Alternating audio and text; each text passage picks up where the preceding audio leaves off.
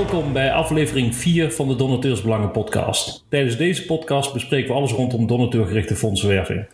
Dit doe ik, Jordan, bestuurder Stichting Donateursbelangen, vandaag met Ewald Verhoog, freelance digital fundraiser en auteur van het boek The Almost Definitive Book About Digital Fundraising. Welkom Ewald. Dankjewel, Jordan. Kun jij aan de luisteraars vertellen, Ewald, wie je bent en wat jouw ervaring in de non-profit sector is? Ja, uh, ik ben Ewald. En, uh, ik, moet dan, ik weet niet eens mijn leeftijd, maar ik weet wel, uh, ik ben het 67, dus ik ben waarschijnlijk bijna 55. En woon in Amsterdam. En um, heb uh, na een vorige carrière bij allerlei Philips en, en Wanadu uh, ben ik uh, met, nou, als, als freelancer en met marketingbureaus goede doelen gaan helpen eigenlijk sinds 2006. En um, de afgelopen twee jaar doe ik dat als, als freelancer, eigenlijk als groeicoach. Um, maar ja, ik denk wel dat ik zo'n beetje voor alle goede doelen in Nederland, nou de middelgrote en de grotere, in Nederland wel uh, campagnes heb, uh, heb gedraaid. Dus uh, ja, dat is een beetje mijn, mijn achtergrond. Oké, en uh, nog specifieke hobby's uh, die misschien uh, helemaal niks met de sector te maken hebben of met je werk, wat je ook gewoon privé belangrijk vindt? ja, ik, kom net, ik heb net golfles gehad. Kijk. En heel fanatiek daarmee. Maar voor de rest is het, is het voetbal en, en, en golf. Oké. Okay. De sporten nu. Ja. Nou, we gaan nou, nog, eentje dan. Twee kinderen. Uh, eentje studeert al, de ander uh, uh, net eindexamen krijgt ze waarschijnlijk volgende week te horen of ze het gehaald heeft. En lieve vrouw die Franse les geeft. Oké. Nou, ik denk uh, dat we vandaag een uh, bepaald aantal uh, onderwerpen aan zullen snijden met betrekking tot donateurgericht fondsenwerven. Maar de belangrijkste vraag is daar altijd bij. er zijn nogal wat definities rondom donateurgericht fondsenwerven. En welke definitie hanteer jij, Ewald? Um, ja, ik, ik vind sowieso al de, de term, want ik doe het een beetje van. Hè, je had vroeger altijd klantvriendelijk, klantgericht. En dan werd het klant gedreven. En uh, nou, zo ben ik eigenlijk meer van dat donateursgericht. Dat vind ik nou nog steeds een beetje ouderwets. Van uh, ja, inside out of met target uh, doelgroepen werkend, uh, donateurgericht. Um, dus mijn definitie zou liever zijn van we zijn donateur gedreven. Ofwel wij bouwen kennis op, waardoor we een zo goed mogelijke dialoog aan kunnen gaan uh, met de donateur. Om hem goed uit te kunnen nodigen om heel veel impact samen met ons te maken. Ja. Ja, als we kijken naar uh, Stichting Donateursbelangen, die hanteert eigenlijk de definitie donateurgerichte fondswerving betekent rekening houden met de wensen en voorkeuren van donateurs. geef jij daar mee aan dat in die uh, ja, dialoog, uh, dat daar ook dus daadwerkelijk daar die ruimte voor is en dat je daar ook zeker vanuit een donateur naar moet kijken? Ja, dat, dat, dat, dat zit er heel impliciet in. dat, je, dat je kijkt van, nou, zeker in digitaal, van waar zitten de klikjes, waar zitten de uh, wij zitten in het echte gedrag, uh, de wensen van die uh, mensen. Maar je kan natuurlijk ook heel expliciet maken en, en dat vast laten leggen. Van, nou ja, begin maar, maar bel niet aan, register, stuur geen post of, of, of, bel me niet. Ehm, dat zijn natuurlijk ook elementjes die, daar, die daarbij horen. Maar um, ik heb altijd een beetje moeite met als je de dingen gaat vragen uh, aan die uh, donateurs. Dat krijg je hoogstens van 20% van je base, krijg je dat goed op orde. En die andere 80% niet.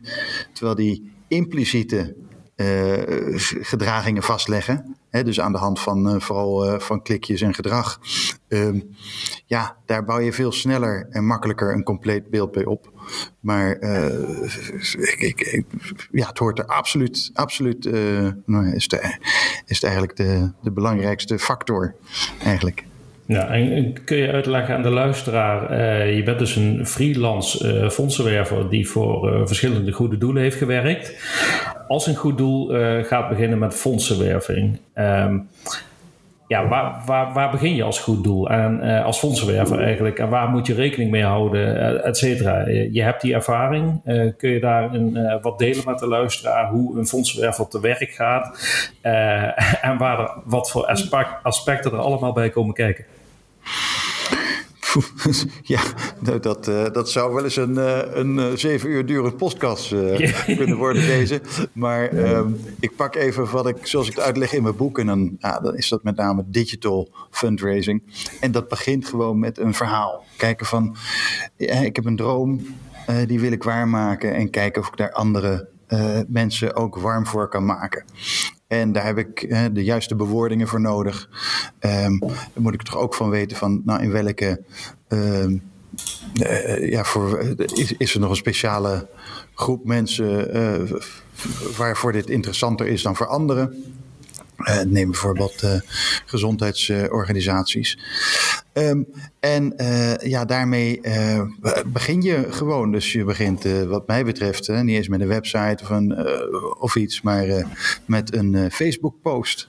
En als dat wat is en mensen die reageren daar fijn op, dan zou je een Facebook-page kunnen maken. Misschien een logotje erbij. Um, en daar begin je um, je verhaal te posten. En te kijken op welke dus manier het aanslaat. Zeg, ja, dus eigenlijk zeg je, je begint altijd vanuit het verhaal. En uh, met verhaal bedoel je waarschijnlijk uh, ja, de missie die een goed doel nastreeft. Ja, ja. Uh, ik zie het echt als ehm, een uitnodiging hè, om, om ja, ook voor de donateur, om je leven te veranderen, om een, aan, aan iets moois mee te doen. En uh, ja, dat begint dus met een verhaal. En dat eindigt met een verhaal, dat is, dat is gewoon een verhaal. Dus, uh, ja. Uh, wat, ja. Wat, wat, ik vaak hoor is dat veel uh, fondswervers roepen: we willen impact maken. Ja. naar mijn gevoel, wat een goed doel voornamelijk doet en waarvoor je fondsen werft, is en als ik het verkeerd zeg, naar jouw mening, moet je meteen dat aangeven. ik heb het gevoel altijd dat uh, wie ook fondsen werft uh, met betrekking tot de non-profit sector. Het gaat eigenlijk altijd om uh, mens, dier of natuur. En daar wil iemand het verschil mee maken. Zit ik dan in de goede richting? Dan zou ik even het CBF-indeling moeten, moeten zien. Um, maar ja, Volgens mij, volgens mij heb je dan eh, de hele wereld wel te pakken, ja. Ja, ja. ja voor mij ja. ook. Eh, of, of je zet je in voor uh, de mensen. En dan kun je aan alles denken natuurlijk. Gezondheid, et cetera. Je dierenwelzijn. Of je wilde het verschil maken in de natuur. voor mijn gevoel kun je dat tot die drie terugbrengen. Misschien ja, uh, vergeten we er een. Maar dat is eigenlijk dus het verhaal van uh, een non-profit die uh, doet iets in die drie onderdelen. Ik doe iets, ik wil het verschil maken voor mens, dier of natuur. En daar komt dus een verhaal uit waarmee je begint om daar ja, mensen bij te betrekken en om ze te vragen te steunen. En ja, kun je wat uit je ervaring delen over welke manieren zijn er allemaal om uh, eigenlijk die G-vraag uit te zetten naar uh, potentiële donateurs? Ja, waarbij ik wel, want ik zit hier tenenkrommend, uh, want je noemt het woord, om ons te steunen. En ik denk, ja jongens, dat is niet, dat is zo jaren tachtig van de vorige eeuw. Om op die manier te zeggen: steun ons. Hè, dat waren, waren we uh, als goede doelen waren we instituten. En dan moest je het geld gewoon aan ons geven. En dan was, kwam alles wel voor elkaar. Um, steunen, steunkousen, steunen, kreunen. Ik, ik haat dat woord. Omdat het niet gaat om je gaat een doel, een, een, een goed doel, een organisatie steunen. Nee, je gaat meedoen. Je krijgt een uitnodiging om mee te doen. Om eigenlijk een, een hele grote droom waar te maken. En hoe groter die droom is, um, hoe, hoe, ja, hoe meer energie uh, daar, uh, daar vrijkomt. He, dus ja, ik, geef je, ik geef je een kans op endorfine en een blij gevoel. In plaats van te steunen. Ja, dus eigenlijk, eigenlijk is jouw eerste opmerking: iedereen, uh, alle goede doelen die nu nog op een website in de navigatie een optie hebben, steun ons. Uh, om die aan te spreken op dat direct aan te passen. Nou ja, je krijgt in ieder geval geen donatie van mij. Maar uh, nee, het, is, het is wel bewezen dat, dat, dat bijvoorbeeld een term als help mee al, al, fijner, al fijner is. Ja. Maar uh, ja, het moet iets zijn waarvoor je denkt: hé, hey, daar wil ik mijn bed voor uitkomen. Dus ik wil, nou, en ik wil niet, ik wil niet steunen. Uh, ik wil eventueel doneren, maar liever nog wil ik. Uh, ja, het, het, kanker de wereld uit helpen. Of de, de, Alzheimer, of nou noem de, de, de, problematiek oplossen. Dus, dus dat. Ehm, maar dat was, uh, dat was alleen maar de vraag van ja, wat komt erbij gaan kijken? Ja, dan ga je die vraag namelijk aan een heleboel manieren stellen. Ja, en als je in je directe omgeving aan de mensen die jou na zijn, uh, helemaal aan het begin, als je daar dat verhaal niet mee krijgt en die mensen niet warm krijgt voor jouw verhaal, dan is het waarschijnlijk nog geen goed, goed verhaal. Um, dus dat begint gewoon in jouw directe omgeving, een directe vraag van uh, doe je mee of ik heb daar en daar hebben we geld voor nodig. En uh, krijgt het even voor elkaar. Um, ja, en dat, dat staat daarna in allerlei vormen, weet je, van de traditionele uh, middelen als uh, DM en uh, nou ja, de telemarketing, zelfs straatwerving, waar ik een hardgrondige hekel aan heb, maar dat even daar nog, nog even parkeren. En, uh, ja, dus er zijn een heleboel, heleboel manieren eh, voor om, om mensen te vragen mee te doen. En ja, um, ja, en, en, en een andere manier, en wat ik dan online dus heel veel zie, is dat je juist ook dingen geeft aan die mensen. Want het, is, uh, het gaat altijd twee kanten op. Maar als ik, als ik jou iets geef wat. Uh, wat jou verder helpt om het doel te leren kennen, maar ook waar je blij van wordt. Hè, uh, waar je misschien in eerste instantie gewoon al je contactgegevens voor achterlaat. Uh, dan ben ik ook al hartstikke op de goede weg. Want het is echt niet alleen maar van uh, geef me geld en hou je verder stil. Um, Nee, uh, wat, wat, wat, heel, heel goed werkt is, uh, nou ja, kennen ze het allemaal wel, maar de, de, de, de gratis brochures, de, de quizjes, uh, maar ook, ja, ook uh, petities ja, bijvoorbeeld? Petities. Het zijn allemaal dingen waarop je kan uh, eigenlijk, ja, wat ik dan noem op de liefdeas, um, ook um, meer verbondenheid krijgt dan alleen maar ja, als pinautomaten fungeren. Ja, uh, want als je dus zegt van je moet ook iets geven aan die donateur, of in ieder geval diegene die zich verbonden voelt aan het goede doel, ja. dat, of dat nu wel of niet met geld is bijvoorbeeld, geef je daarmee ook eigenlijk aan dat je vooral die mensen een goed gevoel wil geven, of gaat het verder dan alleen een goed gevoel geven? Um, nou, volgens mij, als we dat over voor elkaar krijgen, dan, uh, dan ben je natuurlijk uh, hartstikke blij. Ik zie het gewoon maar als een, als een relatie. Dat hoeft niet meteen uh, met, je, met je partner te zijn waarmee je elke dag bent, maar ook gewoon een, een vriendschap opbouwen. Ja, daar bouw je toch ook steeds meer naar. Elk stapje in het, in het hele proces is om elkaar een goed gevoel te geven. Ja, um ja, helder. Uh, ik, ik, ben eigenlijk wel benieuwd, uh, gewoon ook voor de luisteraars. Je, trouwens, je liet even de term DM vallen. Voor die, die luisteraars die niet 1, 2, 3 weten wat DM betekent, dat staat voor direct mail. Kun je nog even kort uitleggen wat, ja, wat een direct mail brief is? Um, ja, het is, een, uh, het, het, is een brief waar tot volgend jaar nog steeds een acceptgiro vaak onder hangt. Dus het is een, een, een, een, een verhaal uh, een brief uh, met een geldverzoek. En vaak is dat geldverzoek afgestemd op uh, je eerdere geefgedrag. Als je nog nooit hebt gegeven, dan staat daar een, een, een, een laag bedrag als een soort promptje staat er, staat er aan. Of het, het zit er, staat er in de brief. Maar het is, het ja, is meestal gewoon een, een emotioneel verhaal met een geefvraag. Ja, uh, en je geeft dus nu aan dat uh, zo'n direct mail een brief is met een uh, G-vraag. Die G-vraag kan op verschillende manieren gesteld worden. En dat, ja, je kunt op allerlei manieren fondsen werven natuurlijk. zou je kort kunnen toelichten wat voor kanalen er eigenlijk allemaal beschikbaar zijn voor een fondsenwerver om die G-vraag uit te stellen of uit te vragen? Oh jongens, het, lijkt wel uh, mijn, uh, mijn examenvraag uh, dit, maar ja, wat zo denk ik eigenlijk nooit, nooit over na. Is wel goed. Um, daar gaan we. Um, ja, wat het, wat het meest, meest gebeurt uh, is inderdaad die. Uh, dus dan hebben we het over particuliere fondsenwerving. Ja. En niet uh, nou ja, of de, de, de major donors, de bedrijven, de institutie, de, de subsidierende organisaties, dus de, de overheden. Maar gewoon particuliere fondsenwerving. Ja, en daar is. Um, uh, eigenlijk het is elke keer hetzelfde, uh, hetzelfde verhaal als je het echt puur hebt over een appeal, hè, dus over een, over een geefvraag. Um, die kan zijn uh, in, zo'n brief, emotioneel verhaal. En, dan, en jij kan er wat aan doen. Of zo willen we het oplossen. Jij kan er wat aan doen. Doe je mee. Mm-hmm. Maar datzelfde, precies bijna dezelfde, kan je via de e-mail stellen. En als je hem via de e-mail kan stellen, dan kan je hem ook via Facebook stellen.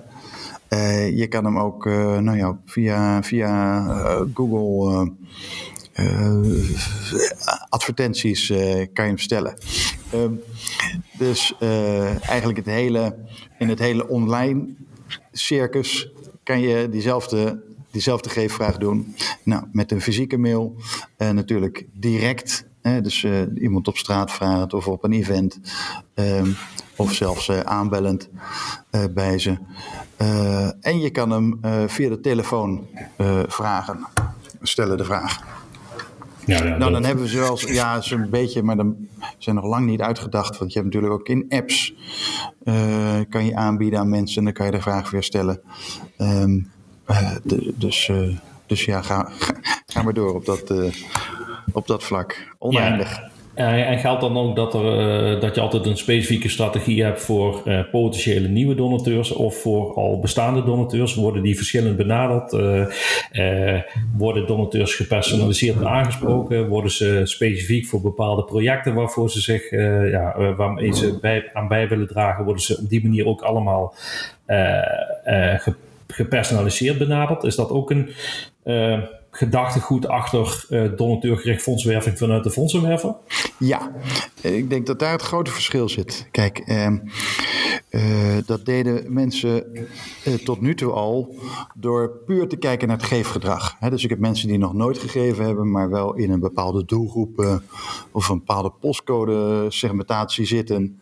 Um, nou, daar weet je nog niet zoveel van en dus kan je, dan wordt het de algemene geefvraag. Um, maar zijn het mensen die, eh, dat, zeker met een, een, techniek als RFM, dus Recency Frequency Monitor Value, dan ga je kijken van, van de afgelopen twaalf keer bijvoorbeeld dat ik iemand heb gevraagd, heeft hij alle twaalf keren gegeven? Heeft hij de laatste vier keren gegeven? Geeft hij altijd meer dan 100 euro, minder dan 100 euro? Um, en als je dan ziet dat het iemand is die eigenlijk elke keer dat je vraagt grote bedragen geeft, dan vraag je die dat doen we al, al jaren als branche, vraag je die ook een hoger bedrag. En dan ga je niet in je Accept Giro of op je uh, landing page uh, online, zet je niet van geef deze keer ook weer 5 euro of gaan we voor 10. Nee, dan zet je daar neer. Uh, wat gaan we deze keer weer doen? 100, 250, 500 euro. Um, dus dat is um, ja, donateursgerichte fondsenwerving, ja, dat is gebruikmakend van de kennis die je hebt van die persoon om de, uh, de dialoog relevanter te maken. Um, alleen dat heeft zich de afgelopen, of eigenlijk uh, nou, tot tien jaar geleden, heel erg geconcentreerd op alleen maar de financiële uh, as. En uh, wat leuk is van deze tijd, is dat je veel meer kan vastleggen om die dialoog relevanter te maken. Hè? Dus je kan ook kijken van nou, hoe, uh, ja, hoe engaged, hoe betrokken is deze persoon al bij de organisatie. Um, of welk, wat zijn de in, interessevelden van deze, deze persoon. dus um, neem even, stel dat ik een, een goed doel ben, dat uh, apen, beren, katachtige dogs, ABCD. Um, daar uh, projecten voor heeft, ja, dan zijn er mensen die eigenlijk elke keer als je iets met apen doet, dan zijn ze daarin geïnteresseerd. Of die kijken op je website ook met name naar de apenprojecten. Nou, als je dat weet, dan is dat eigenlijk een belediging om dat niet te gebruiken voor die mensen. Het is een beetje hetzelfde als dat wij, uh, wij wat gaan, uh, gaan drinken en jij me de volgende keer weer vraagt van wat, wat zijn eigenlijk je hobby's? En ik zeg ja, ik heb toch verteld dat ik uh, golf en, en, en, en voetbal leuk vind. Dus uh, dat is wat mij betreft ook donateursgerichte fondsenwerving. Om uh, zoveel mogelijk te doen om die dialoog zo relevant mogelijk te maken. Ja, en daarvoor heb je nou eenmaal data nodig. En die data wordt natuurlijk opgeslagen binnen het profiel van een uh, specifieke gever. Ja. Juist. Um, ja, dat, daar heb ik uh, nog wel wat vragen voor je. Als je ook vanuit een donateur zelf denkt. Want dan krijg je vaak discussies over van uh, wat moet je wel of niet vastleggen? Uh, ik ben ook wel nieuwsgierig naar uh, hoe data verrijkt wordt vanuit verschillende bronnen, et cetera. Maar ik ben eigenlijk benieuwd, Ewald, hoe je naar het feit kijkt dat donateurs vaak bij de eerste donatie, als ze eenmalig gaan geven online op een website, verplicht worden om bepaalde persoonsgegevens achter te laten. En daarbij kun je dus denken aan uh, ik wil bijvoorbeeld uh, als Jordan uh, eh, 10 euro geven aan een bepaald goed doel.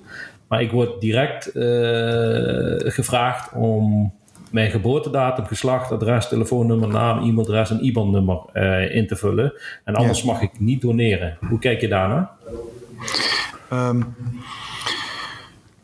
nou ja, in, in, in, dat, in datzelfde verhaal als met een. Um, um, relatie opbouwen.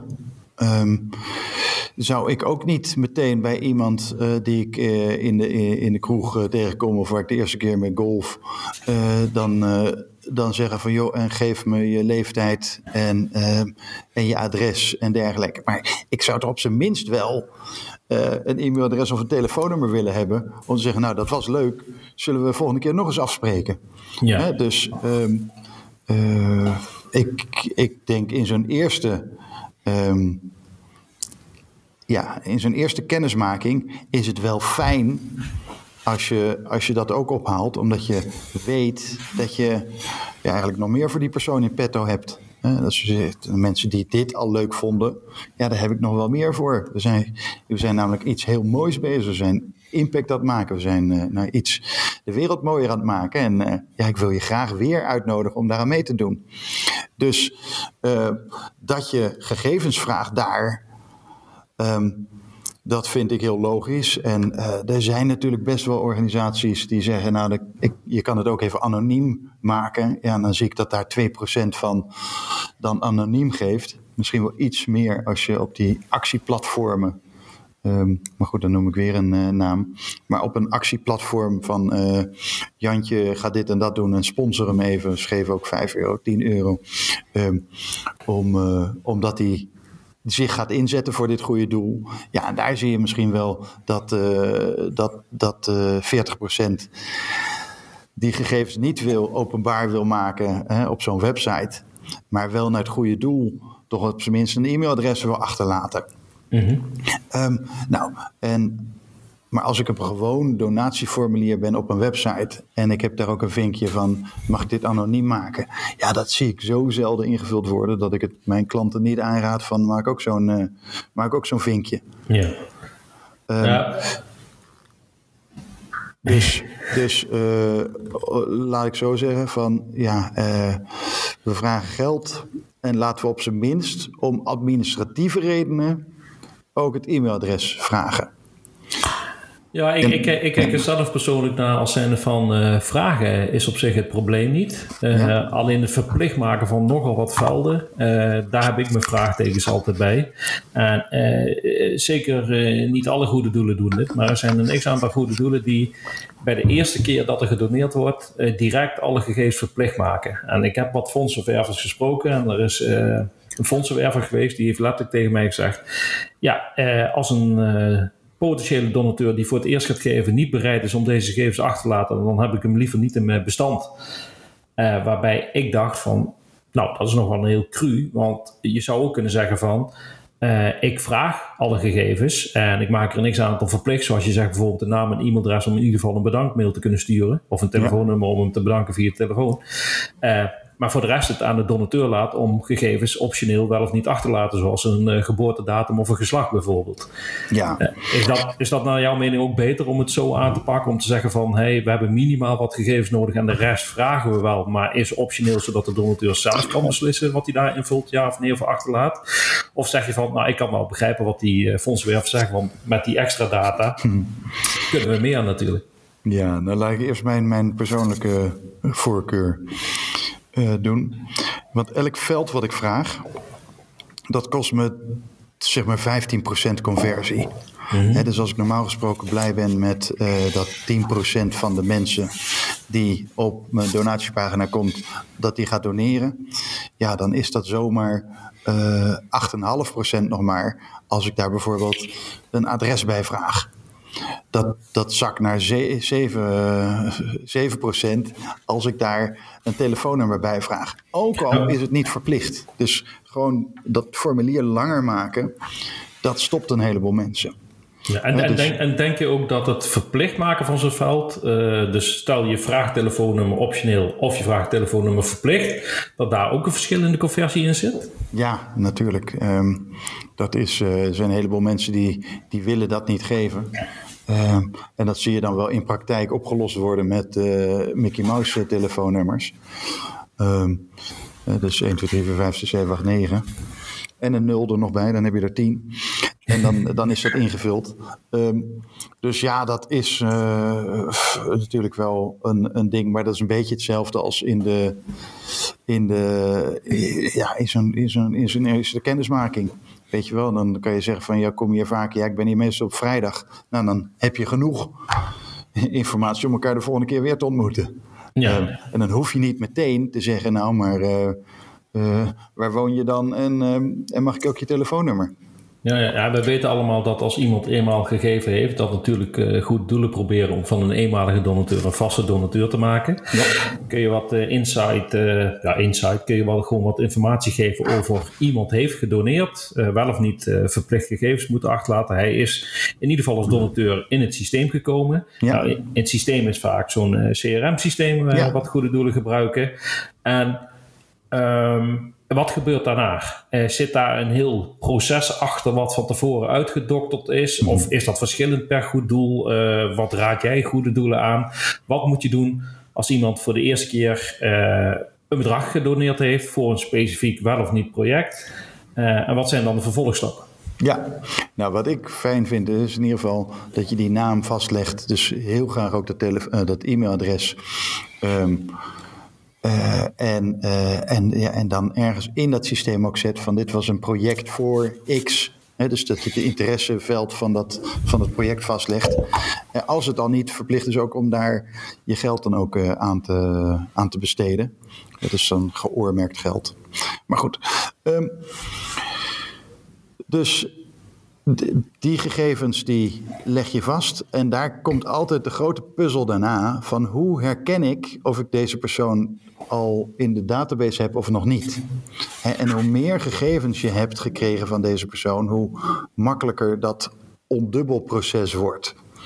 Um, want um, uh, nou ja, het e-mailadres is een hele goede unieke identifier, maar misschien niet helemaal als uh, de man en de vrouw hetzelfde e-mailadres gebruiken. Ja, hoe moet je dat dan vastleggen? Is dat een meneer, mevrouw?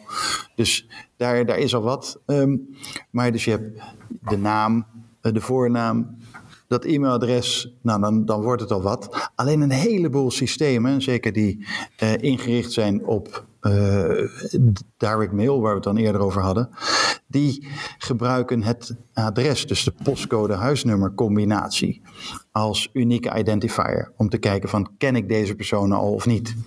Nou, dat zijn vaak redenen waarom op sommige formulieren al die gegevens nog gevraagd worden. Om te zeggen, ja, anders krijg ik het gewoon de computer niet in, het systeem niet in, het CRM-systeem niet in. Um, ja, dat is, niet, uh, dat is niet goed te praten, maar dat is gewoon wel de realiteit. Omdat we ontzettend lopen te knibbelen als goede doelen. Omdat we doodsbang zijn uh, in kwaad daglicht gesteld te worden als we ook maar een cent ergens te veel aan uitgeven.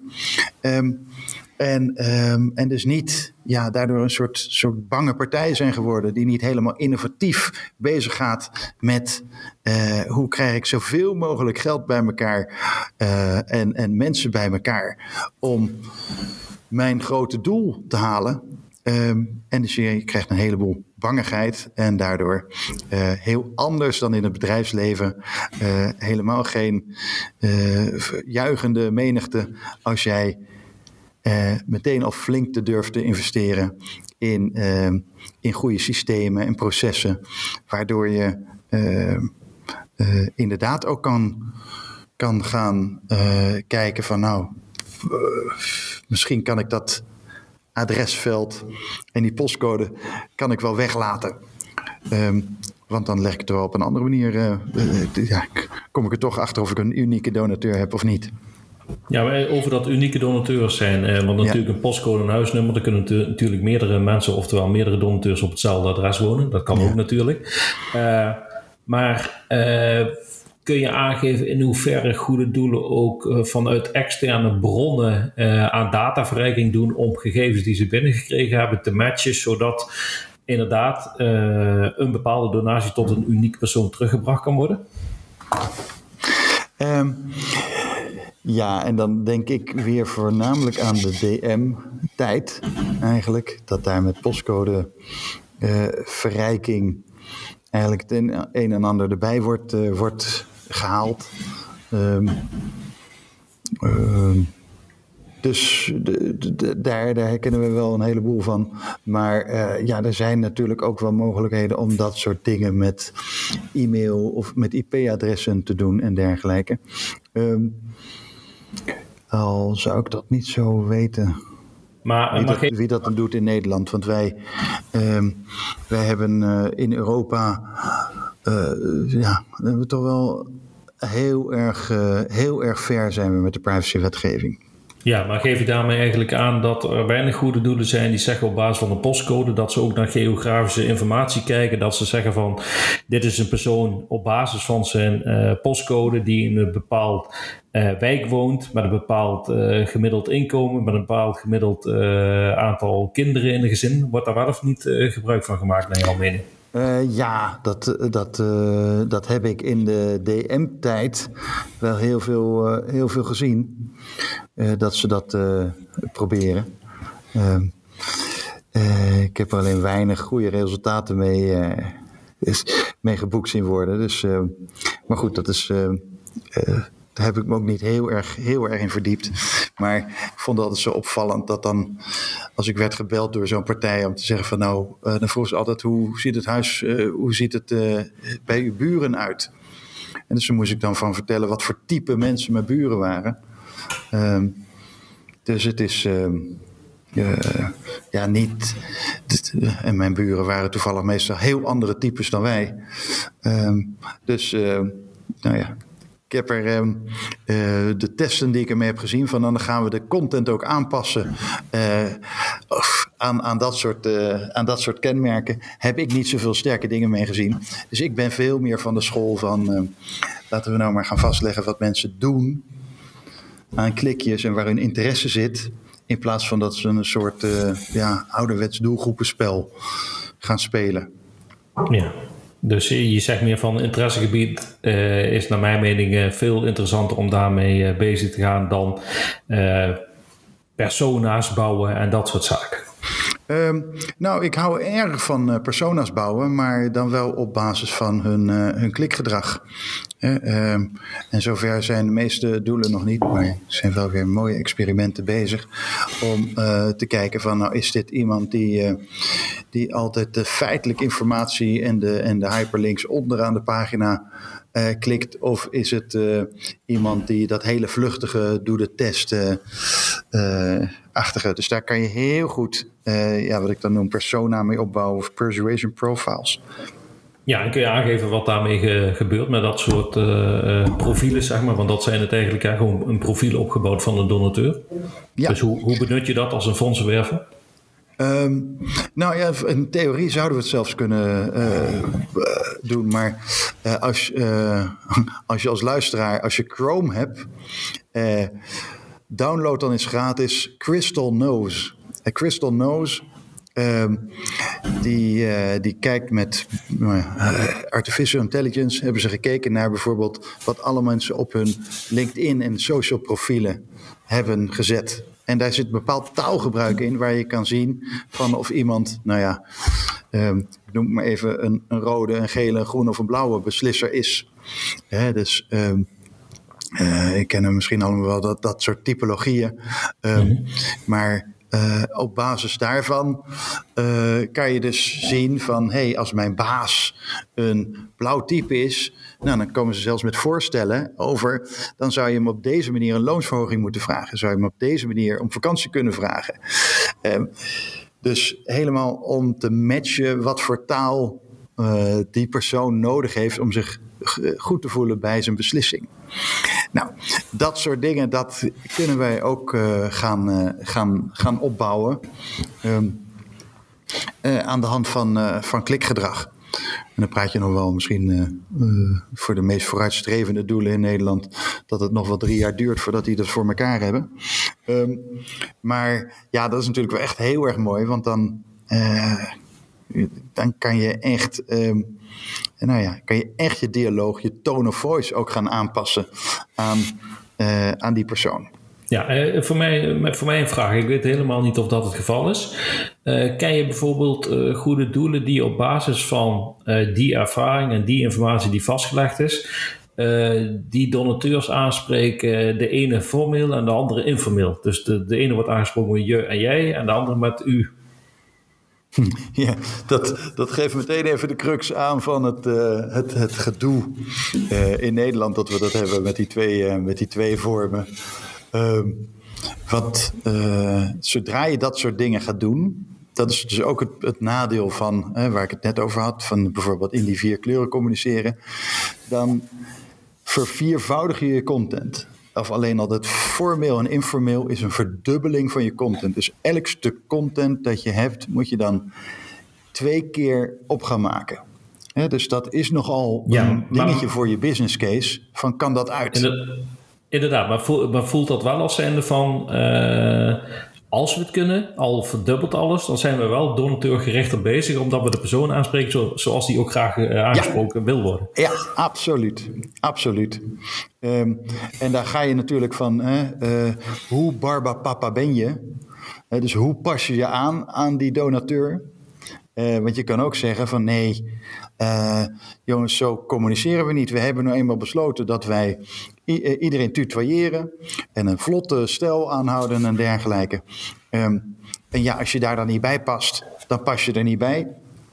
Um, uh, maar wat je nu eigenlijk veel ziet, is dat uh, goede doelen die hebben, die komen uit de tijd, hebben een verouderde base en zijn nu aan het experimenteren van um, ja, uh, moet ik dan de mensen die online hebben aangemeld, zal ik die dan uh, tutoyeren en dergelijke. Dus ze uh, zijn allemaal nog aan het, aan het, zoeken.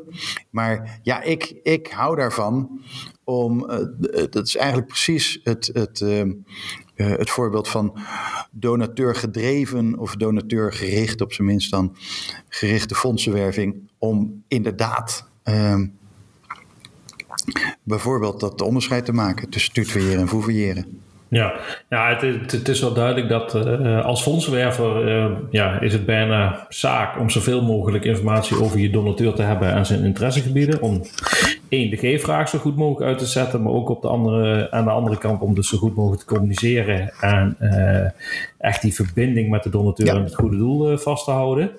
Um, zoals je aangeeft, niet alle goede doelen hebben dat nog op de rit. maar er wordt dus wel degelijk klikgedrag vastgelegd op basis van een bepaald profiel. Oftewel een profiel die bij een donateur hoort. ja, ook nog maar mondjesmaat hoor. Maar, maar zeg maar dat de top 20 goede doelen in grote, die doen dat allemaal inderdaad wel. En daar zou je ook de, de terms and conditions op kunnen naslaan. Om, uh, of de privacyvoorwaarden, waarin ze uitleggen dat ze dat doen. Maar ook dat je daar heel makkelijk uh, niet aan mee kan doen. Uh, door in de meeste gevallen puur alleen al cookies niet te accepteren. Ja, maar je, je, je snijdt hem aan de privacywetgeving. Ja, dat is de AVG Europese privacywetgeving natuurlijk. En zowel consumenten als donateurs hebben recht op inzage over datgene wat er over hun is vastgelegd. Ja. Uh, en ze moeten zelfs de mogelijkheid hebben of krijgen deze gegevens te laten wijzigen of zelfs te laten verwijderen. Ja.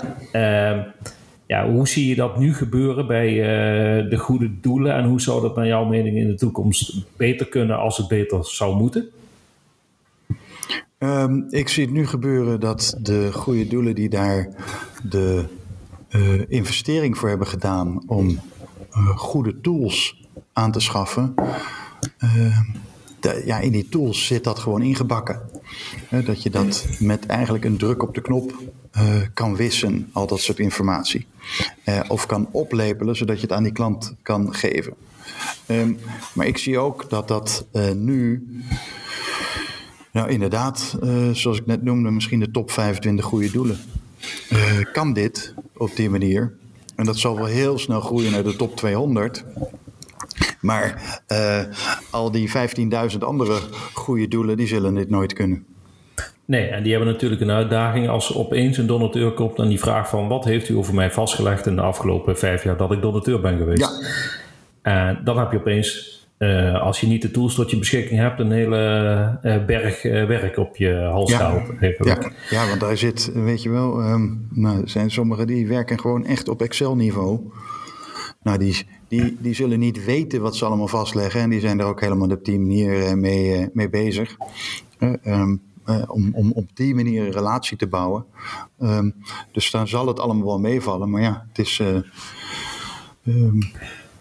ja, het is toch allemaal zo, zo opgebouwd. Of, uh, of met een, met een, met een goedwillende stagiair of medewerker die dan toch denkt van... hé, hey, ik ga eens even deze e-mailadressen ergens in een ander systeem laden. Ja, ja, ja, ja. Oh, tegenwoordig hebben we natuurlijk ook uh, de uitdaging dat alles ook uh, veilig moet zijn. Want uh, ja. één, één klein foutje. En ja, we spreken van datalekken. En bij datalekken worden er persoonsgegevens van particulieren, oftewel de donateurs, gelekt. Met alle risico's van dien.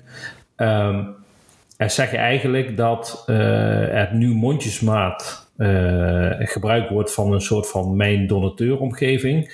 Of zijn we zelfs nog niet eens zo ver in de non-profit sector. Ken je voorbeelden van uh, organisaties die echt een mijn donateuromgeving hebben, waarbij donateurs zelfstandig de beschikking hebben over hun data, voorkeuren, et cetera? Um, ja, ik, ik, ik, ik, ken er wel een, uh, een paar. Uh, ik ben zelf fan van Charity Water en daar is dat heel erg goed, dat, dat donateurscentrum die mijn omgeving. Ik ken ook natuurlijk een heleboel goede doelen die meer en meer bouwen aan apps. En daar zit het ook wel ingebakken eigenlijk bij default al. Um, maar um, ja, toch ook nog heel veel waar dit, waar zelfs al het vastleggen van uh, wat voor e-mails wil je ontvangen, uh, niet eens goed vastgelegd kan worden. Dus uh, we hebben allerlei varianten, maar um, ja, elke organisatie wordt een softwareorganisatie.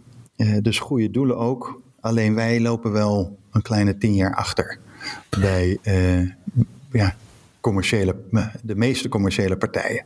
Ja, maar zie je die inhaalslag wel snel gemaakt worden? Of zeg je, denk je dat uh, de sector altijd wel een x aantal jaren achter zal blijven lopen? Um, ik denk dat ze altijd wel een aantal jaren achter zullen blijven lopen. Um, en dat, uh, dat heeft alles met die beeldvorming te maken. Uh, zoals Dempalotta eigenlijk uh, zo mooi doet in zijn TED-talk en dergelijke. We zijn zo voorzichtig met die goede doelen. Dat we behoudende bestuurders, behoudende directeuren, behoudende mensen aannemen. Ehm, en, ehm, ja, en af en toe ontstaat er een hele, ik, komt er een hele frisse wind dat er uh, mensen vaak met commerciële ervaring toch die overstap maken naar zo'n goed doel. Ja, en, en daar de boel, uh, de boel opschudden. Uh, met nou, gedurfde, gedurfde keuzes dan van besturen om dan daarin mee te gaan. Maar te zeggen, ja jongens, we zijn hier toch niet om te zorgen dat we niet aangeklaagd worden. We zijn, we zijn ter aarde om een heel mooi doel waar te maken. En, um, en daarvoor moeten we investeren. Maar dat, um, ja, dat zal voor de hele branche die zal altijd wel flink achter blijven lopen. Ja, maar je denkt wel dat dus uh, zo'n uh, donateurscentrum, zoals je het noemde, uh, ik liet even gewoon mijn donateuromgeving vallen, ja. dat zou een stap kunnen zijn waarbij je zegt van, je geeft dan aan de donateur daadwerkelijk te kennen van, ja, je bent bekend bij ons als donateur, je hebt een soort van self-service tot je beschikking waarbij je zelf aan kunt geven hoe er wel of niet gecommuniceerd met je kan worden, wat we over je vastgelegd hebben, je kunt zelf je informatie muteren. Zie je dat wel als een uh, richting die daadwerkelijk hoort bij donateurgerichte fondsenwerving naar de toekomst toe? Ja, het is een, een, een onderdeeltje van uh, donateurgerichte fondsenwerving. Hè, um, om naast die impliciete data, hè, dus de, klik, de klikdata, ook expliciete data te vragen van nou, hoe wil jij het hebben? Um, impliciet zie je het natuurlijk ook wel vaak van ja, als mensen niet reageren op je, uh, op je e-mails, uh, dat dat dan niet zoveel zin heeft. Um, maar uh, ja, je kan ze ook nog daadwerkelijk vragen van, joh, geef het zelf aan, hoe wil je met ons communiceren? Ja, dat is natuurlijk een, een, een, een, prima en, en ook noodzakelijk stapje dat, dat iedereen zal moeten zetten. Alleen het is te hopen dat daar veel meer out-of-the-box functionaliteit uh, in de CRM-systemen komt, om dat ook gewoon makkelijk uh, ter beschikking te stellen aan je donateurs. Ja, en denk je als donateurs die omgevingen krijgen waarbij dan wel waarschijnlijk weer met een inlogsysteem, wat ook weer technisch is natuurlijk, en met uh, misschien wel in de toekomst two-factor authentication voordat je überhaupt kunt inloggen in een mijn mhm. donateursomgeving, wat allemaal weer technisch is natuurlijk voor uh, uh, particuliere donateurs. Maar denk je wel dat de donateur dan het gevoel krijgt van hey, dit zit goed en dat het donateursvertrouwen daarmee zal stijgen? Nee, natuurlijk wel van als je zegt van ik beloof je dat ik je niet via e-mail ga benaderen en benadert ze niet via e-mail. Dat is natuurlijk hartstikke goed voor het vertrouwen. Of eigenlijk het is hartstikke slecht voor het vertrouwen als je dan toch nog een fout maakt. Ja. Um, maar vertrouwen komt niet door een vinkboxje in een systeem. Ik uh, weet niet met jouw partner, maar ik heb nergens een vinkboxje met mijn partner, met mijn vrienden ook niet. Van nou, dan moeten we, zo hadden we toch afgesproken. Dat is, ja, het is, uh, het is, een, noodzakelijk, uh, het is een noodzakelijk dingetje. Maar ik verwacht niet dat meer dan, uh, dan 20% van de donateurs er ooit gebruik van gaat maken. Laat staan dat meer dan 2% van de donateurs zijn wachtwoord gaat onthouden van dat ding. Ja, dus daarmee geef je eigenlijk misschien ook zelfs wel aan van uh, leuk als we allemaal tijd stoppen in een uh, donateurscentrum bouwen. Maar de kans is groot dat een donateur daar misschien uh, helemaal geen gebruik van maakt. Dat klopt, maar dan nog, weet je wel, je hoort het, je, je, hoort het te hebben. Um, dus ja, zet het maar wel op je roadmap. Ja, ja, over een roadmap gesproken. Ik vind het zelf uh, persoonlijk wel interessant. en ik ben eigenlijk benieuwd naar jouw mening, Ewald. denk je dat donateurs interesse hebben in bijvoorbeeld een fiscaal donatieoverzicht? Net zoals dat een bank jou een fiscaal jaaroverzicht biedt. Uh, zouden donateurs interesse hebben in een fiscaal donatieoverzicht, wat ze dan via de website van een goed doel kunnen inzien en of downloaden? Dus een overzicht met daarop alle data en tijdstippen, tijdstippen in een bepaald jaar, uh, waarbij je gedoneerd hebt aan een goed doel. Bijvoorbeeld voor jouw inkomstenbelasting uh, aangifte met betrekking tot giften. Denk je dat daar überhaupt vraag naar is of niet? Hmm. ik heb heel vroeger wel eens zo'n zo'n ding neergezet van vraag het aan. Nou, maar goed, dat was 2000, 2009 denk ik. Dus toen was er nog niet zoveel behoefte aan. Ehm, maar ehm, ik weet het niet. Ehm, ik zeg altijd, als je dat soort, als je een vermoeden hebt dat zoiets speelt, Um, ja, en het liefst als je het ook nog waar kan maken, dan, uh, dan kan je het best op de website zetten of in je e-mail zetten. Van uh, heeft u daar interesse in? En als je daar geen reacties op krijgt, nou, dan hoef je er niks in te investeren. Zeker nee, als je dat aan, aan 3% van je donateurs stuurt. En ja, stel dat ze alle 3% ja zeggen, ja, dan uh, is er werk aan de winkel. Want in eerste instantie moet je dat dan ook handmatig voor deze mensen gaan maken. Maar dan weet je wel van, oh, dat, dat zou wel zin hebben om dat te automatiseren. Dus daar ga ik in investeren. Ja, maar weet je ik ook, begin nooit, zeg nooit van, nou, het is waarschijnlijk wel interessant. Uh, of gaan mensen vragen, zou u het fijn vinden om een ding dan krijgen? En dan, uh, ja, natuurlijk zeggen die mensen dan ja. Weet je wat, mensen zeggen in een kwalitatief onderzoek, dat is iets heel anders dan ze doen. dus daarom ben ik erg van, uh, je probeert het zo klein mogelijk dit soort assumpties te testen. Dus vraag het niet aan mij, maar zet het gewoon op je website. Ja, met uh, zet op je website, bedoel je daarmee de vraag stellen? Of bedoel je daarmee ook daadwerkelijk de donateur betrekken bij die vraag? Of zeg je van juist zo min mogelijk de donateur betrekken, omdat je anders waarschijnlijk het antwoord krijgt, ja natuurlijk wil ik dat. Um, ja, dus, dus daarom zeg ik van, eh, als goed doel dan. Hè? Mhm. Als goed doel, als je het vermoeden hebt dat er mensen daarom zitten op zitten te wachten, stuur dan een e-mailtje naar 3% van je base en te zeggen van, wij hebben de mogelijkheid voor u om zoiets te downloaden. Uh, klik hier als u het wilt hebben.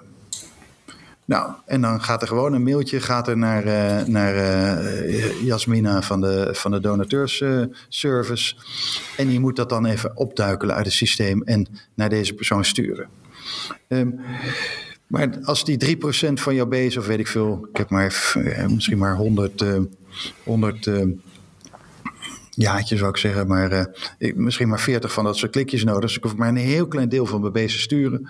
Ja, en als niemand daarop klikt, of daar toevallig eens eentje daarop klikt van de, van de duizend mensen, nou dan ga ik niet investeren in dat systeem, in, in, in, in, in, dit, soort, in dit soort dingen. Dus ik bied het aan. Uh, als, uh, daarom zeg ik, ik zei was, zet het op je website, maar de, Jordan bedoel ik niet, zet het op de donateursbelangen website, maar zet het op de website van jouw goede doel of stuur het in een e-mail van jouw goede doel naar een deel van jouw base en kijk of daar behoefte aan is. Ja, nou ja dat, is, dat is helder. Op zich een hele simpele uh, een soort van, uh, ja, kun je het noemen, een soort van crowdsourcing. Even kijken of je donateurs uh, daar wel of niet gebruik van maken. Ja, ja, ik vind dat een hele mooie crowdsourcing, want dat is eigenlijk ja, de wisdom of the crowd laat je beslissen waar je in investeert. Um, ja. Dus dat, dat klopt. zo zou je het kunnen noemen, maar ik noem het gewoon agile testen uh, wat uh, je assumpties testen. Dus zoveel mogelijk assumpties bovenhalen. En dan uh, kijken wat werkt. En ik gebruik diezelfde methode bij mijn klanten om de juiste propositie te ontwikkelen. Of de juiste lead magnets te ontwikkelen. Gewoon de allersimpelste manier om te kijken of ergens energie in zit. Ja, um, ja ik, ik wil toch even terug nog naar de donateur. En uh, de, de, de alom bekende term transparantie in de sector. Ik wil niet te veel over transparantie praten, daar kun je, daar kun, daar kun je ook uren over praten. Maar uh, vind jij dat een donateur het recht heeft op transparantie tijdens het doneren, hoe het geld dus bij het goede doel terechtkomt, of dat de donateur alleen uh, ja, het recht heeft op transparantie hoe het geld besteed wordt nadat er gedoneerd is? Ik hou me even stil. Ik vind dat altijd zo'n uh, zo'n ding, transparantie. Ik zit even te kijken hoor, en gewoon weer naar de commerciële wereld. Um, ja, en ik, ik ga naar een concert en dan hoef ik ook niet te weten waar dat voor is. Uh, hebben we een prachtige ervaring, maken we mee en dergelijke. Um, uh, dus het gaat erom van, ben je transparant in uh, hoe, je je grote doel wil bereiken. En uh, zoals een venture capitalist, want dat zijn die donateurs, dat zijn venture capitalists, om te kijken van, kan dit waar worden? Um, ja, dan zou je natuurlijk net als een bedrijf wat venture capital heeft opgehaald, zou je toch heel duidelijk moeten zeggen, ja, dit waren mijn kosten en daar heb ik in geïnvesteerd en daar heb ik in geïnvesteerd. Um, dus achteraf mag je natuurlijk best wat uh, transparantie geven. Um, Alleen uh, dat moet wel ingebed zijn in een. In, in, in zo'n gaaf goed doel, dat de mensen het ook niet erg vinden als jij bijvoorbeeld uh, nou ja, tonnen hebt geïnvesteerd in een systeem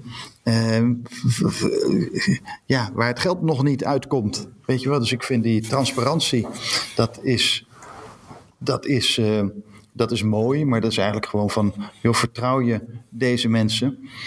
Maar dat geneuzel wat wij doen over die cijfertjes van uh, hoeveel procent gaat er daar naartoe en dan dat ge, ge, gemarchandeer met die cijfers om uh, maar wat communicatiebudget dat je dat voorlichting noemt, zodat het niet op de communicatiekosten drukt en dergelijke. Oh, daar heb ik zo'n hekel aan. Ja, maar dan heb je het specifiek eigenlijk over uh, ja, de eisen die je eigenlijk vanuit een CBF opgelegd krijgt uh, om je te presenteren naar de uh, donateur toe, eigenlijk. Ja, ja. en dat is, het is allemaal lastig hoor, want we hebben allemaal de Van Suites meegemaakt. Ja, je wil natuurlijk niet dat iemand een greep in de kas doet en die het goede doel afhoudt van de uh, van het bereiken van, het, van hetgeen uh, waar die donateur natuurlijk geld voor heeft gegeven. Um, maar um, ja, ik heb de, ik heb de manier, ook, ik heb nog geen goede manier gezien om te zeggen van nou zo leggen we dat vast. Ik zie wel dat uh, nou een aantal goede doelen echt zo'n groot deel van hun tijd bezig zijn met die straatjes schoonvegen en, um, en vastleggen ik denk, ja, dit kan toch ook niet de bedoeling zijn. Maar ik weet, nou, ik weet de oplossing niet hoor. Nee, ik, ik zelf ook niet. Ik weet alleen uh, wat ik gezien heb. En uh, dat is ook de reden waarom wij eigenlijk, uh, ja, ik als initiatiefnemer, überhaupt Stichting Donateursbelangen begonnen zijn. je hebt allerlei normen waarop het CBF toezicht moet houden. Ja. Maar in die normen, dat was voor mij echt verrassend. Uh, ja, staat eigenlijk niets vastgelegd over de manier waarop goede doelen met hun donateurs om uh, behoren te gaan. Dus het hele woord donateur of gever komt ook in die normen niet voor. Ja. Vind jij dat een gemis of zeg je van ja, daar is een specifieke reden voor dat dat er niet is? Of hoe kijk jij daarnaar? Want wij zelf hebben ernaar gekeken als zijnde van. Het is toch eigenlijk raar dat er een toezichthouder is die niet specifiek kijkt hoe hoor je als een organisatie met een donateur om te gaan? Ja, nou dat dat gedeelte, we hebben natuurlijk niet het eerste gesprek wat we voeren, Jordan. Um, uh, daar denk ik wel van, van ja, als je zelfregulering toepast in een, in een branche en je, en, je, en je doet dat zo eenzijdig, daar, daar klopt inderdaad iets niet. Dus ik zou het heel fijn vinden als, uh, als ze wat meer open waren geweest en gezegd van joh, kunnen er gewoon veel meer mensen met de pet op van de donateur hier naar kijken. Ja, want op, een gegeven moment um, ja, slaat het door. En dat zie je in alle branches waar die zelfregulering niet goed geregeld is. Daar, uh, daar krijg je toch hele grote schandalen van. Dus net zoals ik uh, vaak uh, zeg van in, in, in goede doelen zelf van ja, word in ieder geval donateur van je eigen goede doel. En, en, en geef af en toe een donatie en ook aan je aan, aan conculega's haat dat woord, maar. Um, dus dat, um, ja, dat zou natuurlijk een, een, een, een, een uh, zelfregulerend e-, instituut. Je, je, moet daar ook inderdaad um, vol van staan. Uh, en, en, en, en, en echt iets in, uh, op zijn plek zetten om dat te gaan organiseren. Um, ja, ja uh, wij, wij voor de lange termijn. Maar ik, had, ik ben zelf nog nooit iets tegengekomen waarvoor ik dacht: goh, wat uh, hebben ze daar steek laten liggen. Maar gewoon als je kijkt naar alle al dat soort brancheorganisaties die zelfregulering toe moeten mogen passen. Ja, op een gegeven moment wordt dat te intern gericht. Nou, ik kijk zelf naar een voorbeeld van de Consumentenbond die vier weken geleden iets bekend heeft gemaakt. En zij hebben dus onderzoek gedaan naar hoe moeilijk is het om een vast donateurschap op te zeggen. Mhm. En dat blijkt dus best lastig te zijn. Uh, en de Consumentenbond geeft zelfs aan dat sommige goede doelen het voor donateurs bewust lastig of zelfs onmogelijk maken om op te zeggen. Ja, uh, ja dan, dan, dan, twijfel je wel eens uh, aan het feit van waarom maak je het je de donateur zo lastig? Ik bedoel, we weten allemaal dat een goed doel ook vaak een, een klantbehoud of een donateurbehoud afdeling heeft. Ja. Maar uiteindelijk, als iemand niet wil, dan moet je dat eigenlijk gewoon simpel verwerken. En dat is eigenlijk wat die Consumentenbond ook heeft aangegeven. het moet eigenlijk net zo makkelijk zijn om een vast donateurschap via een formuliertje aan te gaan op een website van een goed mhm. doel. Daarmee moet het ook net zo makkelijk zijn om het op te kunnen zeggen. Nou, dat, soort sommige, dat soort simpele dingen, uh, daarvan vind ik eigenlijk persoonlijk, uh, ja, maak het gewoon ook makkelijk voor zo'n donateur. want die zal um, daar in ieder geval, naar mijn mening, een goed gevoel over houden als hij niet te veel dwars gezeten wordt. Want als je te veel dwars zit, ja, Die, zal, die zal denken de volgende keer van, ja, daar ga ik niet nog een keer aan doneren, want ik heb er heel veel moeite bij gehad. En dat, is, dat is eigenlijk best verrassend hoe ja, hoe sommige goede doelen daar nog mee omgaan. Met zo'n simpele vraag als van ik wil opzeggen. Um, nou, daar, daar, daar, kan, daar kan niemand tegen zijn, Jordan. Uh, om zeggen, wij moeten het makkelijk genoeg maken, weet je wel, om, om, om het uit te maken in die relatie. Um, maar ik mag je wel zeggen dat in mijn eigen ervaring, um, mijn moeder die was op een gegeven moment uh, dement en toen ik de administratie van haar overnam, toen zag ik dat ze aan 25 goede doelen gaf. En het was in een mum gebeurd om van al deze 25 doelen het, uh, het, lidmaatschap uh, op te zeggen, of het donateurschap op te zeggen. Dus um, ik was het in 2017 nog niet zo erg tegengekomen. Um, maar ja, dat, ah, weet je wel, als, als, we voor dit soort dingen strijden, ja, dat is, dat is inderdaad ook donateursgericht fondsen werven. Ja, en, en, en, ik denk ook dat het natuurlijk wel een donateur is die zegt van, uh, hey, ik moet telefonisch opzeggen, maar dat kan alleen tijdens werkdagen en op werkdagen werk ik, dus ik kom er niet van af ja, eh, soms moet je wel ook de moeite nemen, want dan blijkt waarschijnlijk dat één telefoontje wel degelijk voldoende was. Uh, ja. en, en, dan was je er vanaf. Maar vaak wordt die stap al dan niet genomen natuurlijk, omdat het niet helemaal uh, past in de manier waarop uh, zij het liefst van die donateurschap afkomen. Dus, ja, nou ja, en dat, dat, dat, vind ik dan wel van in een, in een relatie, ja, zeg wel even waarom het uit is. want daar heeft, heeft het goede doel wel veel aan natuurlijk. Ja, ja, ja, ik denk ook dat een, uh, zelfs een, uh, hoe noem dat, een donateurbehoudafdeling, uh, ja, daar kan niemand op tegen zijn. dat je even de relatie opzoekt met de vraag van, ja. ja. maar waarom stopt u? En dat je zelfs nog probeert om iemand binnen te houden. Ja. dat is allemaal logisch. Maar als er iemand daadwerkelijk aangeeft van, ja, ik kan gewoon niet meer vanwege een financiële situatie bijvoorbeeld of om een andere reden, ja, dan moet je daar gewoon naar luisteren. En ik ken niet alle ins en outs van dat onderzoek van de Consumentenbond, maar ze gaven zelfs aan en daar stond ik wel te verkijken. Van goede doelen spelen bovendien nog eens in op het schuldgevoel van de consument. En ja, dat is natuurlijk wel apart als je echt uh, de donateur op een schuldgevoel gaat inpraten als die gewoon uh, wil stoppen met doneren. Ja. Um, ik, ben, ik ben, Jordan, ik ben een uh, boekje aan het lezen. de, de Spirituality of Fundraising. Um, en juist omdat om dat onderdeel. Het is een uitnodiging om iets, om de wereld mooier te maken. En het is niet wat we vroeger allemaal deden, guilt-based. Dus het is um, dat je mensen schuldig moet voelen en daarom maar uh, je, je, je portemonnee trekt. Het is, ja. Nou ja, ik zie dat minder en minder werken. En um, uh, ja, dus ik, uh, ik, ik, ben blij als, uh, als, als dat, soort, dat soort praktijken minder en minder wordt. Ja, dat zal um, ik zie dat we al een uur aan het praten zijn. Ik ja. wil nog twee, twee, twee, dingen vragen aan je. Ja. Geef jij ook aan door donateurgericht te werken dat er daarmee ook een relatie met een donateur opgebouwd wordt. En dat je als goed doel ook verder moet kijken dan alleen wat je zegt, dus uh, die financiële uh, kant van een donateur. Uh, maar dat je eigenlijk ook een heel programma op poten moet zetten om bijvoorbeeld donateurs nog meer te betrekken bij je organisatie, waarbij ze wellicht zelfs vrijwilligerswerk gaan doen of andere zaken. Is dat ook een hele stap die inmiddels gemaakt wordt door goede doelen? Ja, zeker.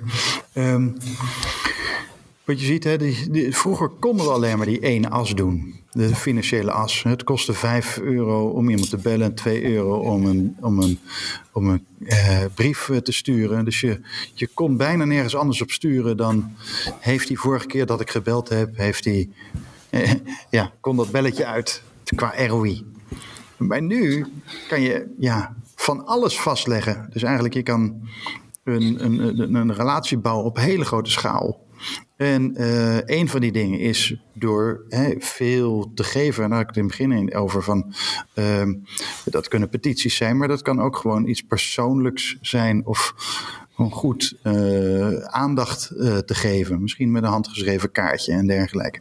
Dus de liefdeas, daar, daar, we zijn net zoveel engagement raisers als dat we fundraisers zijn tegenwoordig. Um, en um, uh, ja, dus, dus, dat is een richting. Maar ik ben je vraag kwijt, excuus. Dat komt misschien nou, omdat we over het uur zitten. Ja, daarom. Ik denk dat dat ook een mooie manier is om af te ronden. Want je gaf het al, al eigenlijk aan. Uh, ik wil eigenlijk nog aan jou gewoon een laatste vraag stellen. Wat is naar jouw mening de toekomst als het gaat om donateurgericht fondsenwerven? Ja, nou ik had hem al genoemd. Elke organisatie wordt een softwareorganisatie en wij kunnen een heleboel dingen vastleggen. Net zoals eigenlijk dat gesprek, het eerste gesprek met mensen. Van hou je van sport, hou je van, uh, wat zijn je hobby's?